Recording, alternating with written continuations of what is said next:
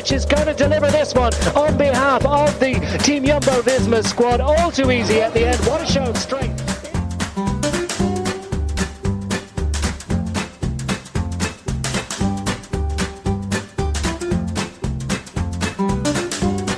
Van Aert, the triple world champion, in his first appearance, has won a tour stage.